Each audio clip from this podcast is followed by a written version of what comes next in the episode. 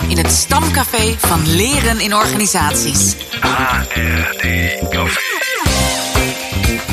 Maak het jezelf gemakkelijk. Ontmoet vakgenoten en laat je verrassen door de laatste nieuwtjes. HRD Café. Hey uh, Dirk en Niels, hebben jullie wel eens dat je, dat je actiepunten die je hebt beloofd om uit te voeren eigenlijk niet nagekomen bent? En, en hoe ga je daar dan mee om? Was zo vaak, Pieter Jan. Ik kreeg gisteren weer een appje van iets waar ik al twee weken niet op gereageerd had. Dus uh, dat, dat overkomt me wel eens. Maar dan is het heel fijn als iemand dan de moeite neemt om me te helpen me eraan te herinneren, zeg maar. Ja, dus even een berichtje stuurt van, uh, weet je, dit punt staat nog open. Ja, precies. Ja. ja, zeer herkenbaar. Want bij mij loopt dat juist hetzelfde. En het is heel fijn als mensen dan gewoon uitreiken. Want dan kan ik ook gewoon direct reageren. En dan komt dat eigenlijk ook wel in orde. Nou, maar in de drukte van het werk kruipt dat er alles tussen. Hè. Nou, in die zin hadden jullie mij wel even een berichtje kunnen sturen dan woensdag. Want ik was hem glad vergeten om de HD Café Launcher podcast... waarin ik met Annelies Wiebo sprak uh, met Carlijn Meijer over management development uh, online te zetten. Dus uh, ik zal beloven het vandaag te doen in ieder geval. Dus uiterlijk morgen te beluisteren op Apple Podcasts en Spotify. De HD Café Launch podcast met, met Annelies en Carlijn. Nou, het, het zij je vergeven, Pieter Jan. Te meer omdat je ondertussen ook een mooi gesprek hebt opgenomen met Sven Kales van Atelier L&D. En jullie spraken over het boek Waarom generalisten verder komen van David Epstein. En uh, waar gaat het boek precies over? En hij begint eigenlijk met de Tiger uh, versus de Roger methode. Tiger heeft het over Tiger Woods en Roger over Roger Federer. En Tiger Woods kreeg toen hij zeven maanden oud was een golfclub in zijn handen. En uh, zijn vader zei ga maar proberen te slaan. Op zijn tweede jaar won hij al een toernooi voor kinderen onder de tien. nou ja, wat, wat hij daarmee doet, is eigenlijk de Roger Federer methode tegenover ja. zetten. En Roger Federer die, die, die speelde eerst basketbal, tennis, squash, skiën, van alles. En die stak niet zoveel uren in doelbewust oefenen. Nee. En Tiger Woods was heel doelbewust aan het oefenen. Dan zijn slag, dan het ja. uh, eruit chippen, dan het putten. En Roger Federer die uh, ja, klote maar een beetje aan eigenlijk, als je het zo kan zeggen. En die ging pas later echt specialiseren en doelbewust oefenen. Ja. En wat hij daar, dus hij, hij stelt het naast elkaar. En wat ze daaraan koppelen is het leren in een bepaald soort wereld. Ja. En ze zeggen eigenlijk dat je een vriendelijke leeromgeving hebt of een vriendelijke wereld. En daarmee bedoelen ze dat alles wat je doet, dat je daarvan snel feedback krijgt. Dus dat je gelijk weet uh, hè, van hoe je het kan corrigeren. Ja. Maar dat de componenten of de, de regels daarin ook uh, vaststaan. Ja. En dat kan je bijvoorbeeld koppelen aan schaken ja. of koppelen aan golfen. Als Ja. jij de bal slaat en hij gaat een beetje te ver naar links terwijl je voor jouw gevoel rechtdoor slaat, dan weet je dat heb je er- meteen feedback. En, heb je meteen eh, feedback. Weet je dat er wind is. Bij schaken ook. Iemand kan maar een bepaald aantal zetten zetten. Dat kan jij ook zien. Dus dat weet je al. Dus het is heel duidelijk wat er allemaal gebeurt. En je hebt een boosaardige omgeving. Een boosaardige omgeving krijg je eigenlijk niet snel feedback. Weet je niet wat er eh, gebeurt. Moet je hele complexe besluiten maken. Ehm, neem het voorbeeld van het OMT. Ze moeten op basis van heel weinig informatie, van dingen die ze niet weten, moeten ze besluiten gaan maken. Ja. En ze zeggen eigenlijk dat als je in een vriendelijke leeromgeving of daarin een baan hebt, eh, dat dan het toereikend is om de Tiger-methode toe te passen. Dus doelbewust oefenen heel vaak hetzelfde. En Dan is het een soort patroon. In de andere wereld, een boosaardige wereld waar wij nu misschien wel in leven, met hele complexe structuren, zeggen ze eigenlijk dat het eh, beter is om toch eh, een andere manier van leren aan te wenden. Dus ook- maar een beetje aan te modderen, overal te kijken. Omdat al die dingen op die verschillende domeinen die je leert, je kunnen helpen in je besluitvorming. Ik moet ook wel een eh, kleine bekentenis doen. Eh, want Sven, ja, eh, hij gaf me dit boek cadeau eh, toen hij zijn stage afrondde. Ik had namelijk het genoegen samen met hem, of samen met Suzanne, Suzanne Verdonschot hem te mogen begeleiden. En nou ja, Sven, ik geef toe, ik heb het boek nog steeds niet gelezen. Maar ik, ik beluisterde al de sneak preview van de, deze podcast, jullie boekenkast. En ik zeg je eerlijk, ik was meteen weer helemaal aan. Ik leerde nog beter waarom dat jij dit boek zo mooi vond.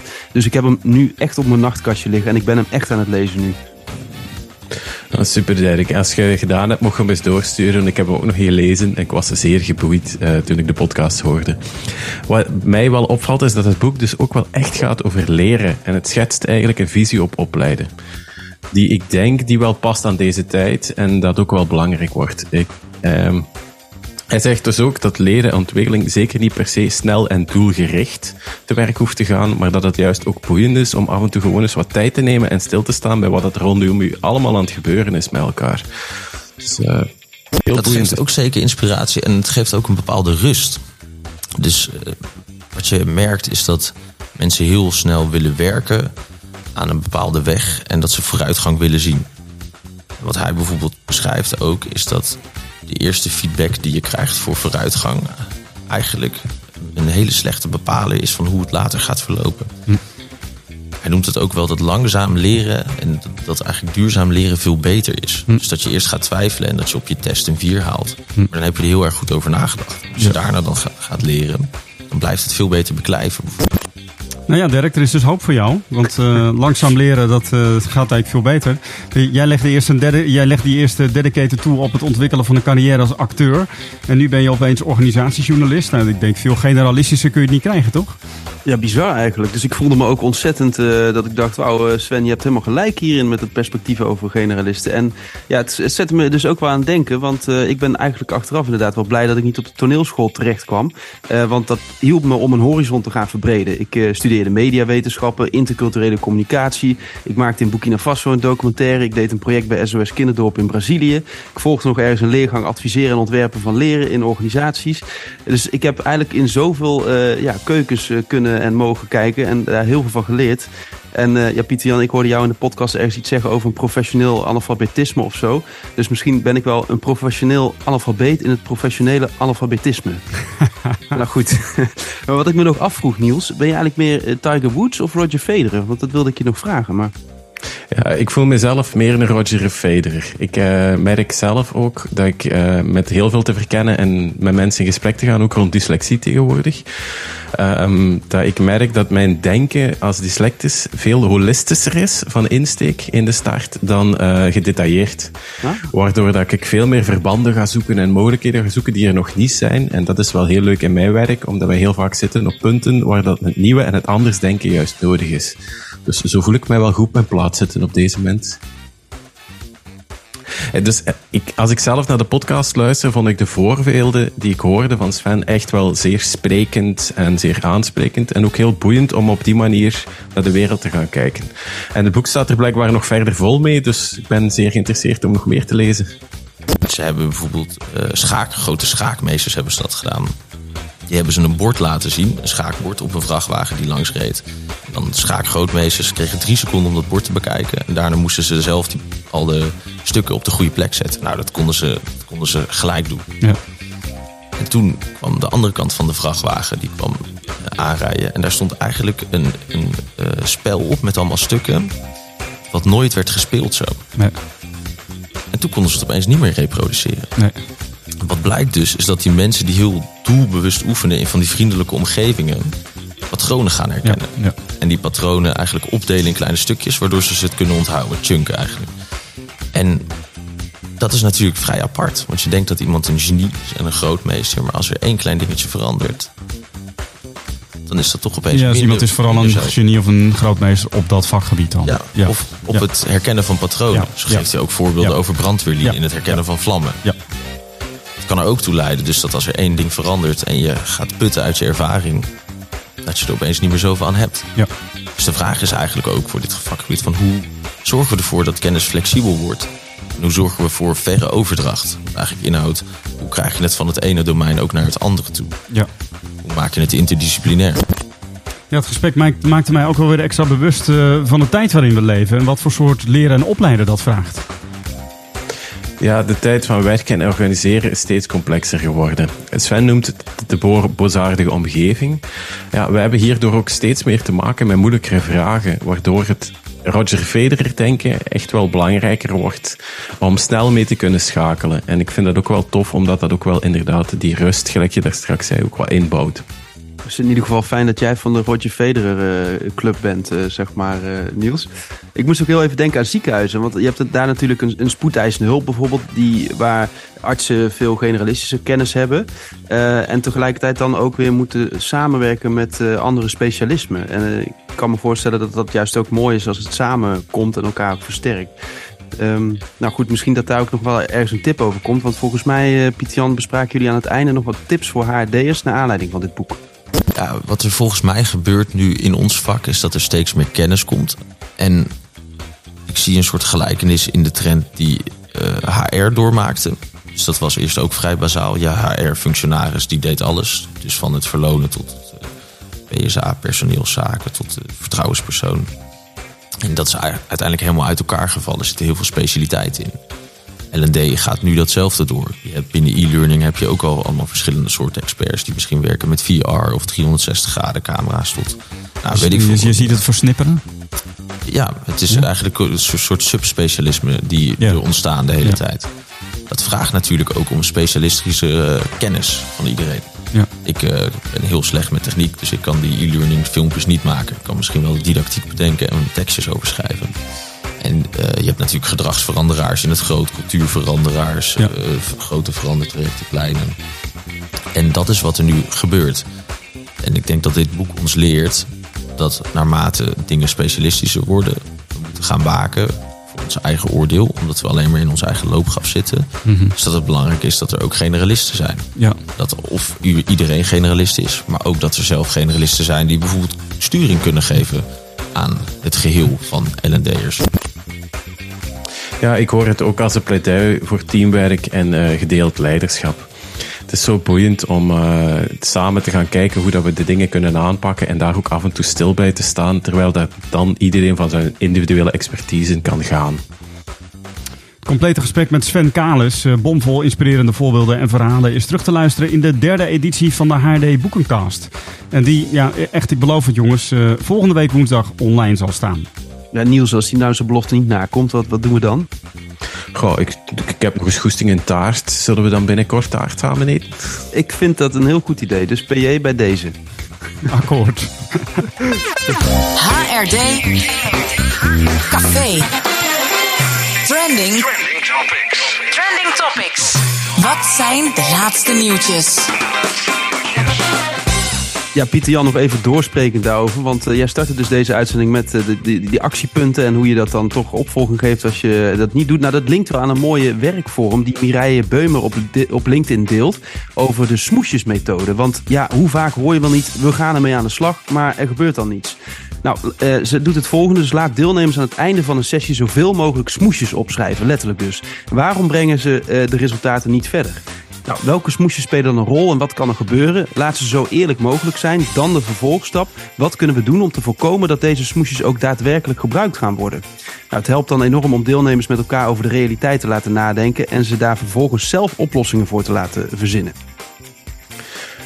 Ja, en in de morgen van 11 april lezen we over vier destructieve leidertypes die een negatieve invloed kunnen hebben op werknemers. Deze toxische, leiders zijn schadelijk en kunnen leiden tot stress, verminderde werklust en verlies aan eigenwaarde bij de werknemers. De vier types die men beschreef, de toxische uitbuiter, het verdeel- en heers-alfamannetje, de veel eisende CEO en de wraakzuchtige laborante. Boeiend artikel op zich wel. Deze leiders creëren een ongezonde werkomgeving en het is belangrijk om aandacht te besteden aan deze destructieve leiderschapstijlen en werknemers bewust te maken van de schadelijke gevolgen ervan. Het artikel benadrukt het belang van een open gesprek en het bieden van een veilige omgeving om dit gedrag aan te kaarten. Daarnaast kan de omgeving een positieve bijdrage leveren door ondersteuning te bieden en samen te werken aan een oplossing. Het is wel mooi dat nu deze media-aandacht er ook is, want dat brengt het thema meer en meer in zicht. Verder wil ik ook wel even het nieuwe boek van uh, Carolien Koetsenruiter en Hans van der Loo benoemen. Giftig gedoe op de werkplek. Van agressief gedrag naar sociale veiligheid. Het is een boekje dat deze week uitgekomen is. Allee, klein boekje. Ik heb het hier naast mij liggen. Ik heb nog niet de kans gehad om het te lezen, maar ik ben heel benieuwd ernaar. Hey Niels, de vorige keer dat jij in het HD-café was, dat was uh, editie nummer 23. Toen vertelde je over virtual reality. En ik uh, las daar ook over in de nieuwsbrief van En Nu Online. En in hun nieuwsbrief delen Sibrenna en Joorske uh, de voorbeelden van virtual reality in organisaties. Er komen voorbeelden voorbij van monteurs bij NS. En er wordt ook een experiment aangehaald over virtual reality door PwC. En daaruit blijkt dat je sneller leert met virtual reality. Uh, even kort door de bocht uh, bleek dat uh, wat de managers in een klassikale training in twee uur leerden, hadden de VR-deelnemers in 30 minuten al in de vingers. Je vindt de nieuwsbrief via de LinkedIn-post, in ieder geval van Sibrenne, zo vond ik hem. Maar we doen een linkje ook even in de show notes. Kennis in ontwikkeling. HRD Café. Dirk, ga jij weer grabbelen? Zeker weten, het ligt allemaal weer klaar hier netjes hoor. Kijk, dus ja. eh, laat het tromgeroffel maar eh, klinken. Eh, ja, ja, even kijken. Eh, nummer 20. 20? Nummer 20, ja, ja, ja. En ik heb hier een stapel boeken naast me. En eh, ik pak nu boek nummer 20. En daar heb ik een quote in. Zo, daar komt hij. Een grote uitdaging voor organisaties is om in contact te blijven met de bedoeling, de bezieling van de organisatie. We bouwen systemen, doolhoven die ons vervreemden van de oorsprong. Hoe krijg je de totempaal weer van zolder af?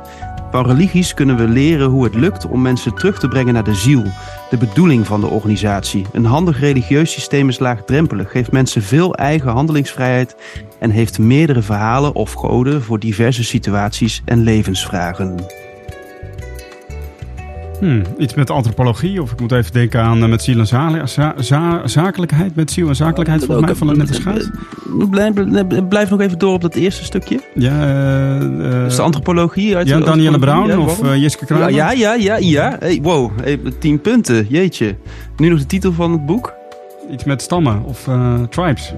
Ja, ja, ja, ja. de Corporate Tribe. De Corporate jeetje, Tribe, tuurlijk, ja. echt bizar. Ja, nou, over, over generalistische kennis gesproken eigenlijk, hè? Ja, vind Ja, je dit- heel boeiend. ja. En Dat, vind je dat generalistisch? Ik denk het wel, hè? Nou, in ieder geval, dat als antropoloog eh, ben je natuurlijk wel zeker, eh, doordat je uit zoveel stammen dingen haalt, kun je op heel veel vlakken kijken naar Ja. eh, organisaties. Dus naar eh, hoe organisatiestructuren er in elkaar, in elkaar zitten, maar ook rituelen en dat soort dingen. Dus het geeft wel een mooie bril om heel breed te kijken naar wat je allemaal ziet gebeuren in een team of organisatie. Dat, ja, dat noem ik dan generalistisch misschien, maar Ja, ik herken daar ook wel een stukje de kampvuurgesprekken in. De, die Ja, oh daarover ja. gesproken worden. Waar je dan even de tijd neemt om zo eens rond elkaar verhalen te delen. En gewoon eens even te voelen van wat gebeurt er eigenlijk allemaal rond ons. Zo. Ja. Het lijkt me een goed een, idee. eh, prachtig perspectief. Eh, dankjewel Dirk dat je het weer even onder de aandacht brengt. Ja, maar dat doen we dus taart met een kampvuur. eh, Taart met een kampvuur. Maar eh, als ik gewoon mijn actiepunten nakom, dan eh, hebben we geen taart. Dus eh, Jammer. ja, ik zou maar Ja, geen we reminder sturen als jullie was. Ja. Nee, dat kan ik niet doen.